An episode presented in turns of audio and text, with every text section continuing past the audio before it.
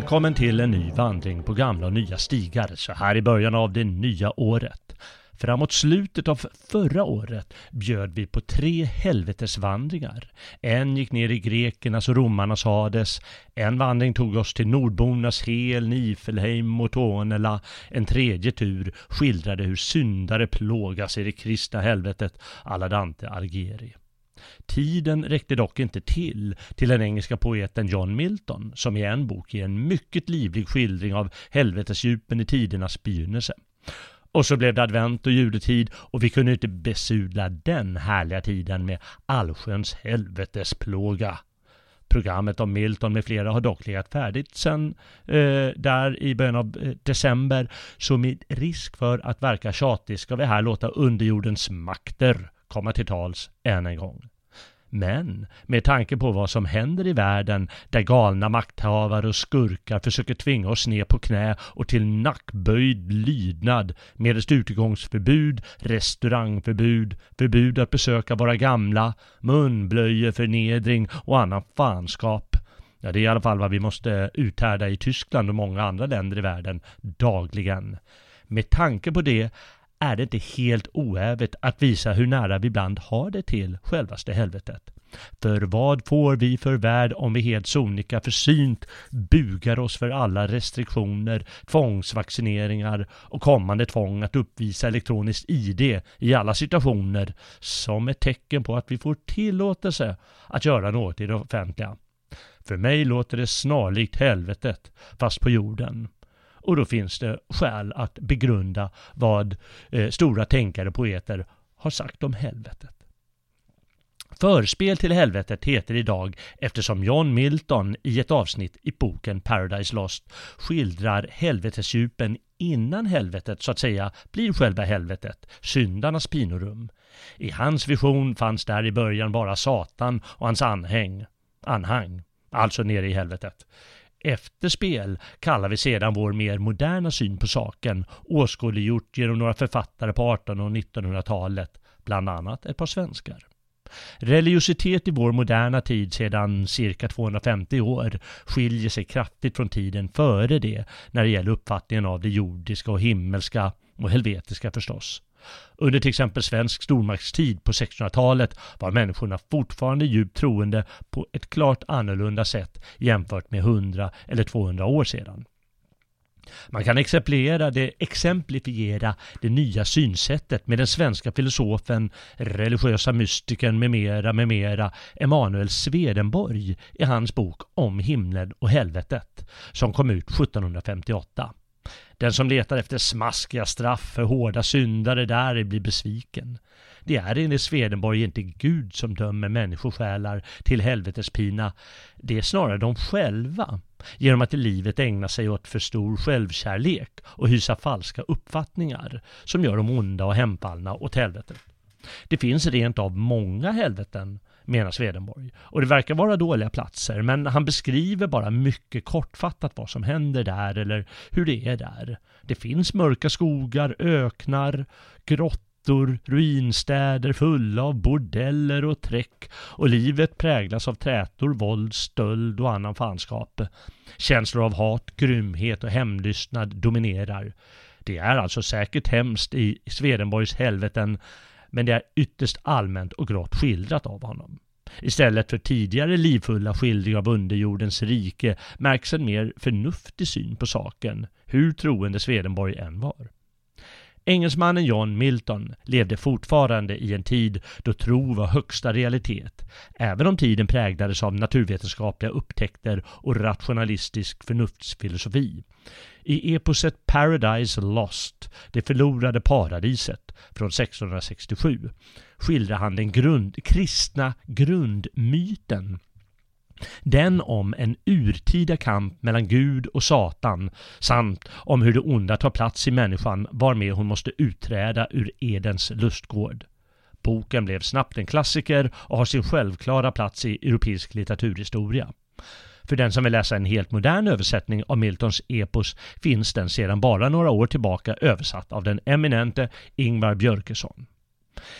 I sin bok ger Milton en fantastisk bild av djävlarna i helvetet vid tidernas begynnelse.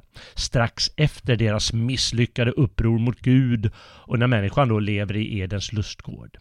Större delen av dikten handlar om hur Satan lurar Adam och Eva att försynda sig mot Gud, men de två första kapitlen skildrar hur Satan och hans anhang samlas i helvetesdjupet och funderar ut hur de kan klå Gud på annat sätt än i öppen strid. Helvetet är hos Milton inte jordens inre eller underjorden som hos Dante, Vergilius, Snorre eller Kalevala utan en plats snarare bortom jorden i det yttersta mörkret. Och där i avgrundsdjupet finns än så länge bara de upproriska änglarna. Människan är ju nyskapad, enbart Adam och Eva än. Och det finns inga eh, människosyndare i helvetet än. I Paradise Lost handlar helvetesavsnittet således inte om straff för syndare utan om de varelser som kämpar mot Gud och om deras onda hemvist. Satans fall beskrivs redan ett par sidor in i boken på följande vis. Han av den allsmäktige vroks värvd av flammor ned från eterskyn bland brak, förstörelse och spillror ned till avgrundsdjupens botten, där att väljas i diamanthård fjättring och i eld. Sen han mot Herren djärvt gå fram med vapen. I nio dygn, som dagar och nätter räknas bland människor, låg han med sin hemska hop besegrad, vältrande i svalg av eld, förkrossad fast odödlig. Av sin dom till än mer pina spard. Av tanken nu på salighet som spilts och kval som varar för evigt tärd. Han lyfte plågad blick som Fast eländet där bränns in, än vittnar om hårdnat övermod och rotfast hat.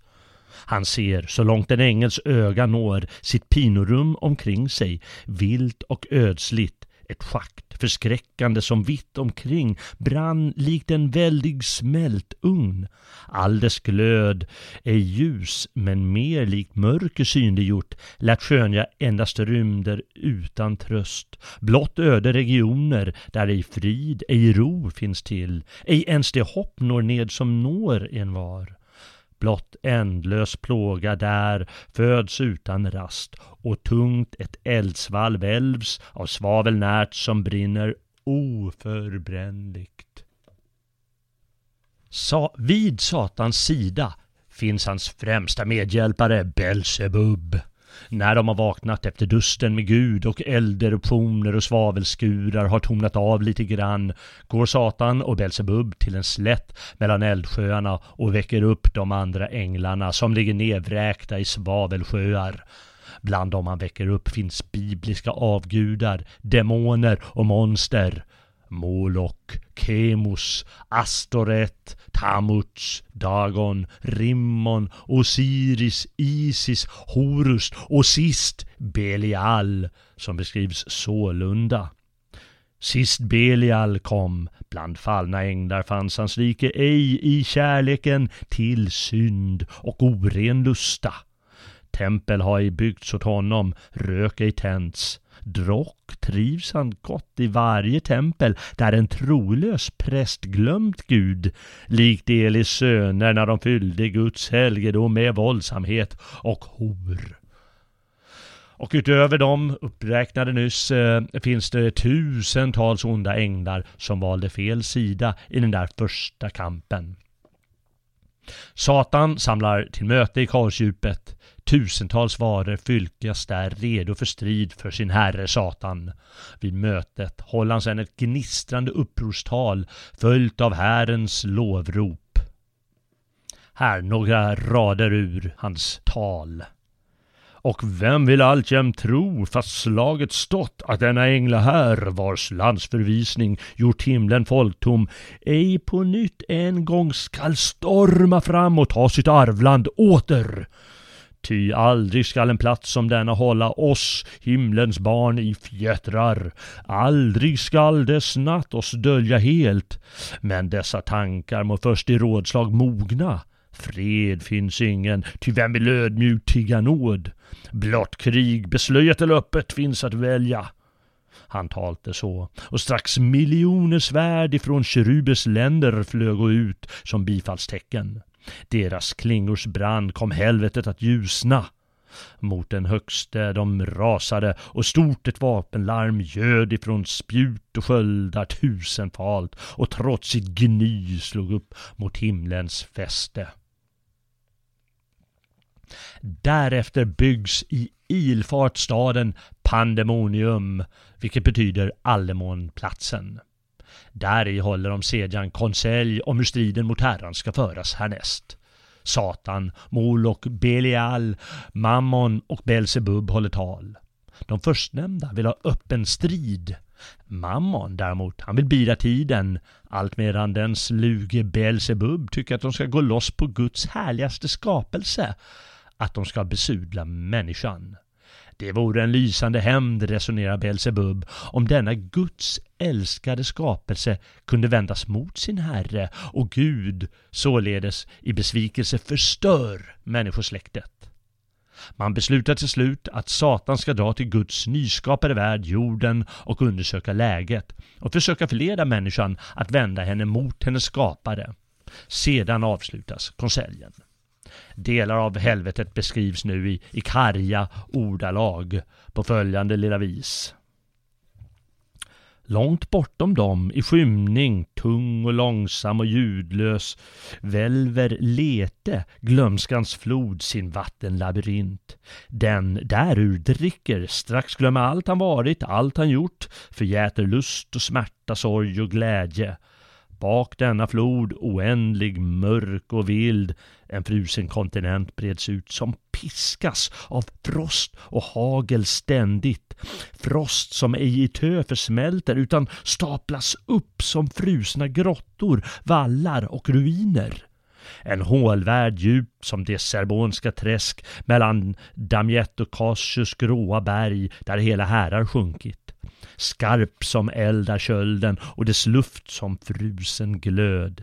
Dit drivas vid bestämda perioder av furier, de dömda, för att där förnimma stegrat kval vid bitter växling, från eld och glöd till denna frostrymds köld. Ur elden komna känna de här snart sitt väsens värma svinna, tills de stelna, orörliga, förfrusna, frostkringsvepta. sen vräkas det på nytt i eldens svalg. Och lite längre fram, schakt, hålor, stup, moras, dödsskuggors nästen. Ett dödens universum som av Gud åt ondskan skapats, gott för ondskan blott. Där endast döden trivs och där naturen, förmörkad och förvrängd, blott föder barn av hemsk och missgestaltad form, långt värre än fables djur och allt vad mänsklig skräck drömt om kimäror, hydror och gorgoner.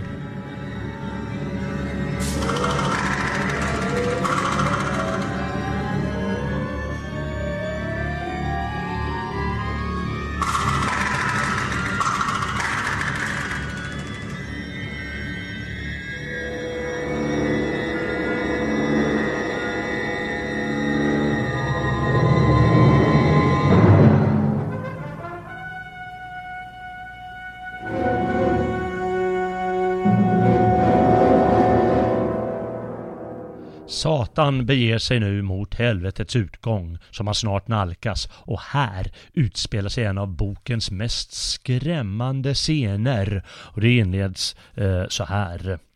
Till sist ser han den gräns där portar når till taket med niofaldigt stängsel, tre av järn, av koppar tre och tre av evig malm, orubbligt tunga, slickade av eld, dock oförtärda framfördes tätt eh, satt vid vart hörn en skepnad fasansfull.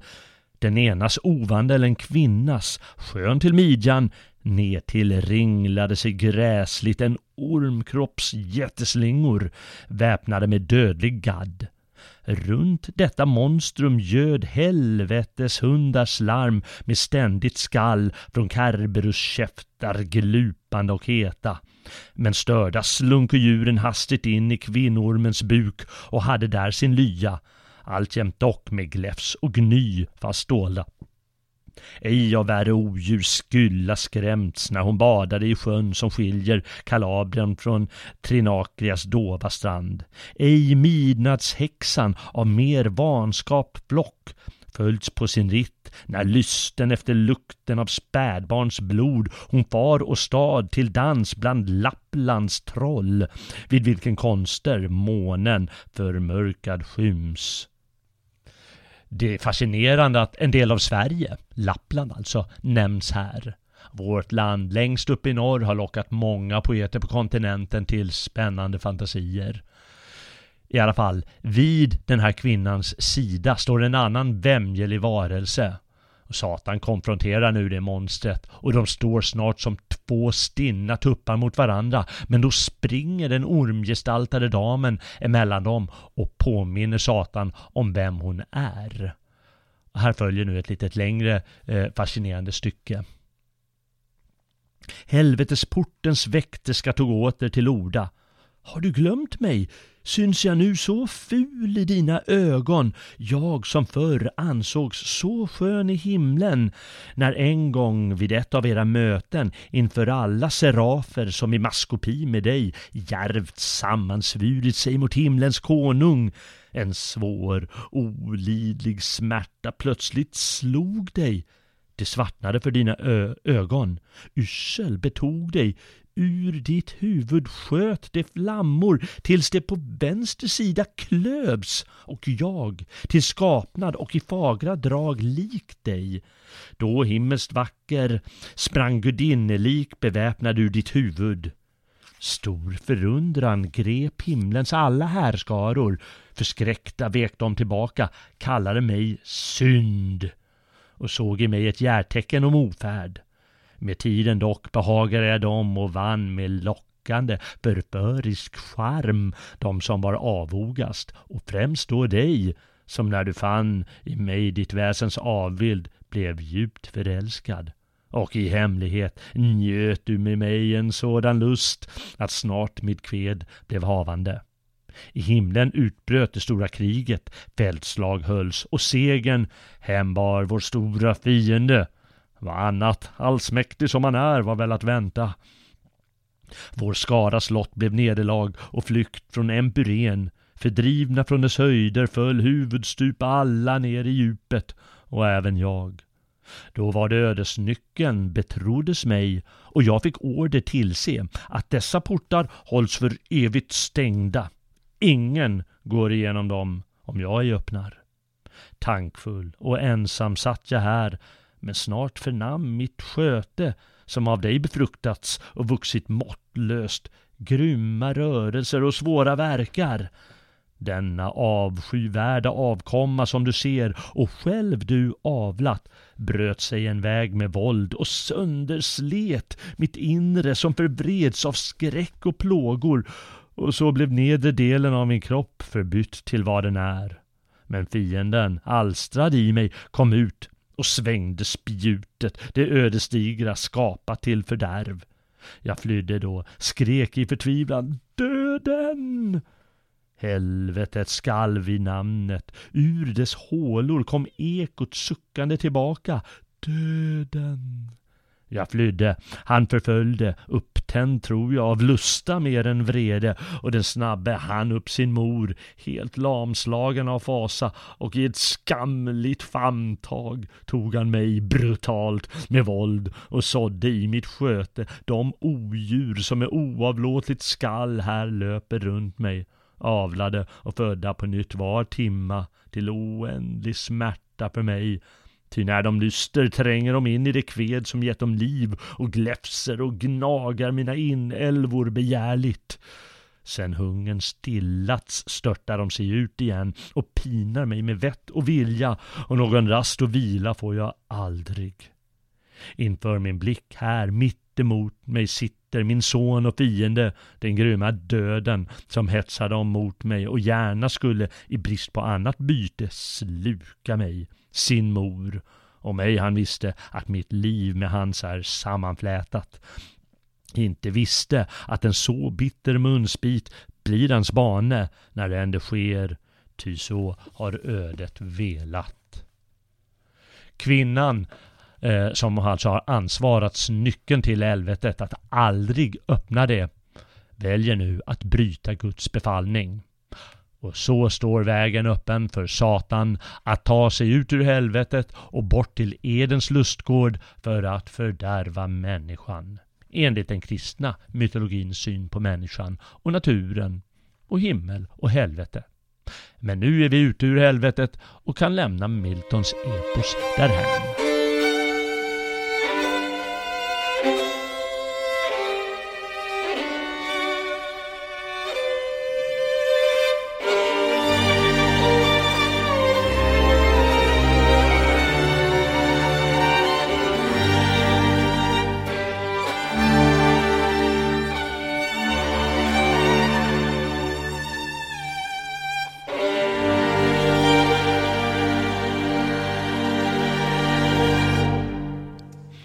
Hos både Dante och Milton, särskilt Milton, eh, återberättas den kristna mytologins urtida kamp mellan gudasläkten, den första kampen.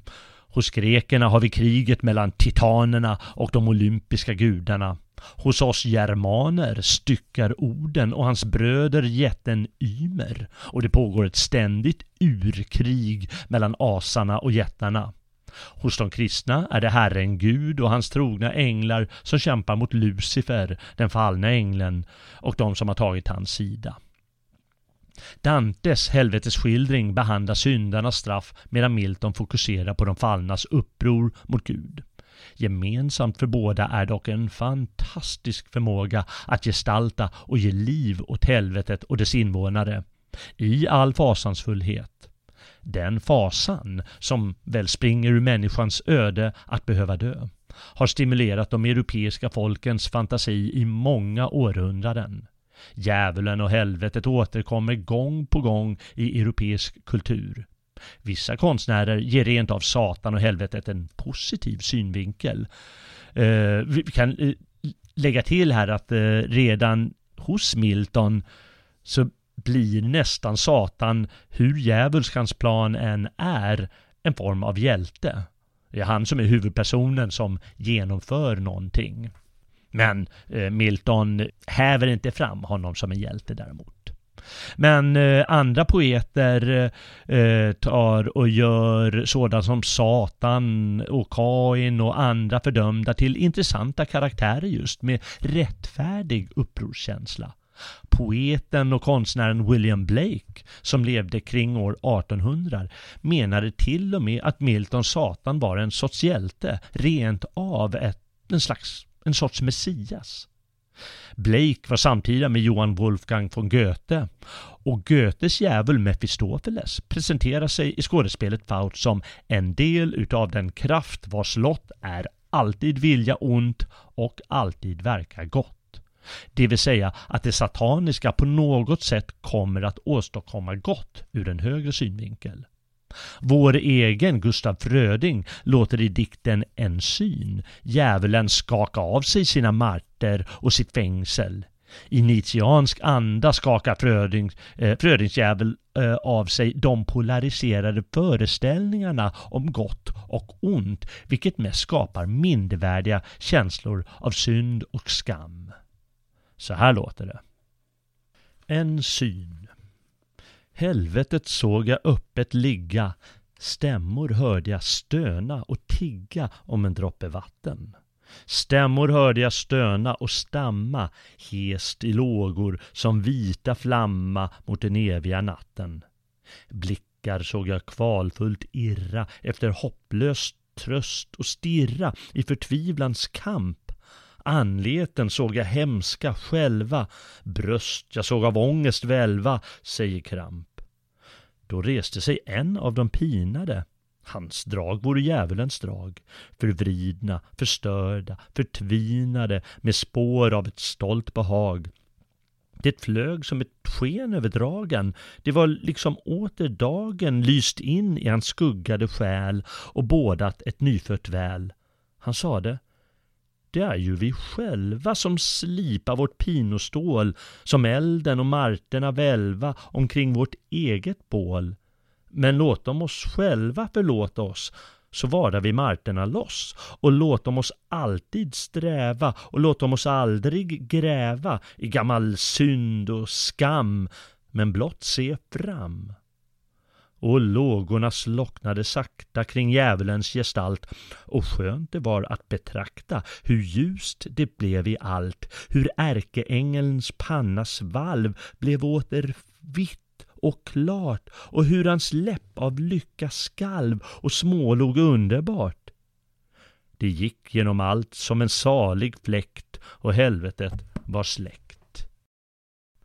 1800-talets kanske allra största poet, eh, Charles Baudelaire, provocerar rent av kyrkan och religionen med en dikt som heter Litania till Satan, där han ber Satan om misskund istället för Gud, Kristus eller jungfru Maria. Men i många fall fortsätter Satan och helvete vara just vad de är, sataniska och helvetiska. I Dostojevskijs roman Bröderna Karamazov träffar mot slutet eh, av boken den ateistiskt lagde Ivan Karamazov djävulen, varmed Ivan faller i galenskapens klor och tar livet av sig. I Strindbergs självbiografiska bok Inferno upplever författaren sitt liv på jorden enligt andliga mönster och känner att det allt som oftast är ett helvete. Det vill säga ett inferno. I slutet av Heidenstams roman Bjälboarvet har Magnus Ladulås besegrat sin bror kung Valdemar men plågas trots segern av sataniska syner så här berättar Heidenstam. Då försökte han att blunda, men tvärs genom de blodröda ögonlocken såg han att han redan låg nere vid Svavelsjön i dödsriket. Kanske hade det förflutit mansåldrar sedan han levde. Han visste det icke. Han märkte endast att rummet där han befann sig påminde om en frustuga uppe på jorden. Skillnaden var bara att svavelfloden vällde fram över golvet och att det silade blod och tårar genom taket och att det fanns både män och kvinnor. De sutto uppkrupna ut efter väggarna som arbetande kvinnor men likbleka och nakna och synade närsynt var droppe som föll i deras hand från taket.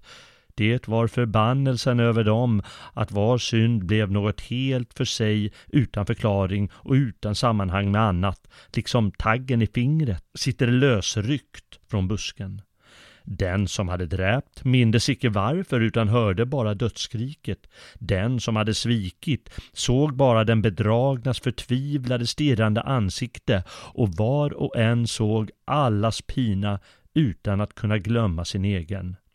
Broder svikare, mansbedragare, läspade Satan och tungan föll sluddrigt ut mellan betarna. I vår mer ateistiska tid kan helvetet få en helt annan gestaltning men likväl vara ett slags helvete men också själva samlivets betingelser.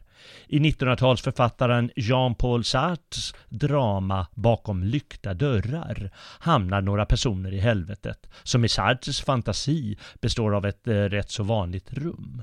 Där tvingas de att i evighet konfronteras med varandra. Genom sina samtal och blickar och allehanda uppträdanden med och mot varandra försöker var och en hela tiden framhäva sig själv men slås samtidigt ständigt av att de andra i sista hand ser en själv bara som ett objekt. Helvetet, det är de andra, är Sartres nyckelreplik i pjäsen. Och det är förstås så vi tvingas leva våra liv, inte bara i helvetet, utan också i själva jordelivet. Enligt Sartre. Hur det än är med den saken, det verkar som om man vackert får ta det goda med det onda när helvetet är på tal. Och därmed har äntligen våra fyra färder till helvetet kommit till en ände. Jag hoppas att du, kära lyssnare, lever och frodas i bästa välmån här i jordelivet. För vem vet vad som väntar runt hörnet.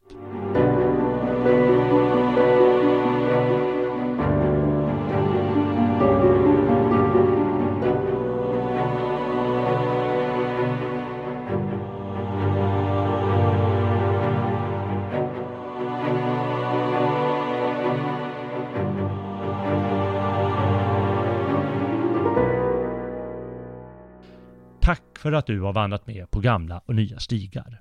Det här blev ett lite kortare avsnitt eftersom materialet först var tänkt som en del av förra årets tredje helvetesvandring. Men ibland är det behagligt med lite mindre, fast av hög kvalitet. Och nog lever Milton, Fröding och Heidenstam upp till sådana krav. Om du gillar vad du har hört får du gärna stödja oss på Svegot och vår verksamhet. Är du redan stödprenumerant ska du ha stort tack för ditt bistånd. Och om du inte redan är det så får du gärna teckna en stödprenumeration eller ge en donation till Svegot så att vi kan fortsätta skapa sådana här program om gammal europeisk kultur eller om dagsfärsk politik som mina medarbetare skapar. Gå in på svegot.se och klicka dig fram där. Stödprenumeranter får som belöning tillgång till ett antal bonuspoddar bara för dem.